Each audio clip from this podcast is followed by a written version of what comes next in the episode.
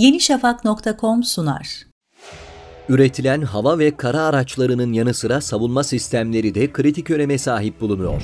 Özellikle uzun menzilli füzeler tüm tehdit unsurlarını yüzlerce kilometre öteden bertaraf ediyor. Savunmadaki Türkler programının bu haftaki konuğu, Türklerin ilk deniz füzesi olarak da bilinen Atmaca.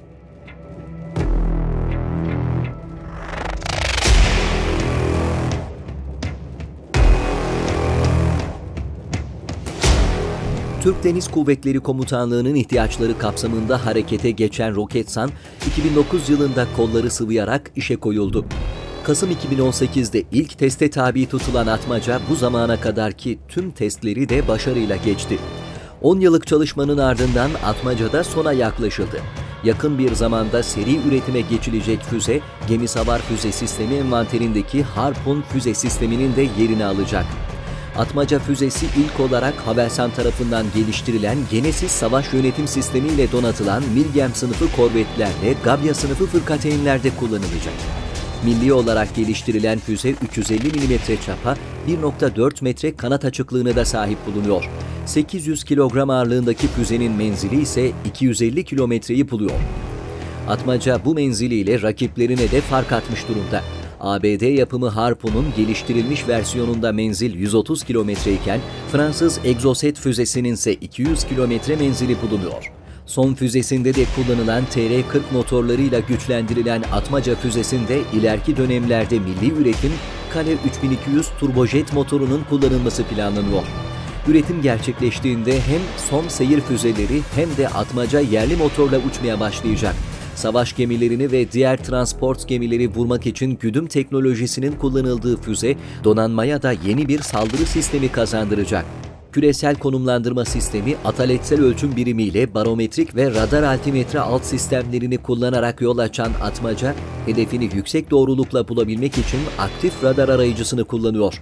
Atmaca'nın hedef güncelleme, yeniden saldırı ve görev iptali kabiliyetlerinin ardındaysa sahip olduğu gelişmiş ve modern veri linki yer alıyor en verimli görev profilini sunabilen sistemde hedefe zamanlama, hedefi vurma ve hedefi ateş altına alma operasyonel modları da bulunuyor. Bununla beraber atmaca seyir halindeyken data link donanımı sayesinde uzaktan hedef güncellemesine de izin verilebiliyor. Atmaca sadece yalama uçuşu kabiliyetiyle de hedefi bulmayacak. Gerekli olduğu durumlarda atmaca yüksek irtifaya çıkıp gemiye dik açıdan dalarak hedef de küçültebilecek.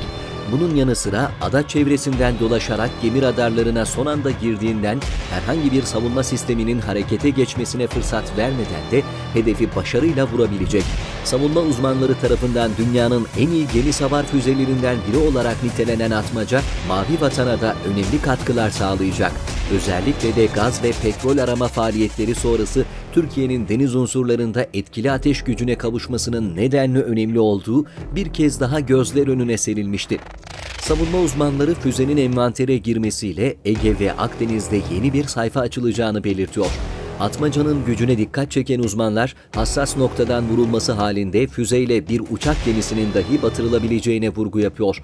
Denizin üzerine çok yakın seviyede uçabilen dünyada sayılı ülkelerin sahip olduğu bir teknolojiye sahip Atmaca seyir füzesinin karadan karaya olan versiyonu içinde çalışılıyor. Bu da kara kuvvetlerine karadan karaya atılan füzeleri imha etme yeteneği kazandıracak. Atmaca gemi savar füzesinin teslimatlarına bu sene sonu itibarıyla başlanacak. Yetkililer teslimat başlamadan yurt dışından füzeye yoğun ilgi olduğunun altını çiziyor.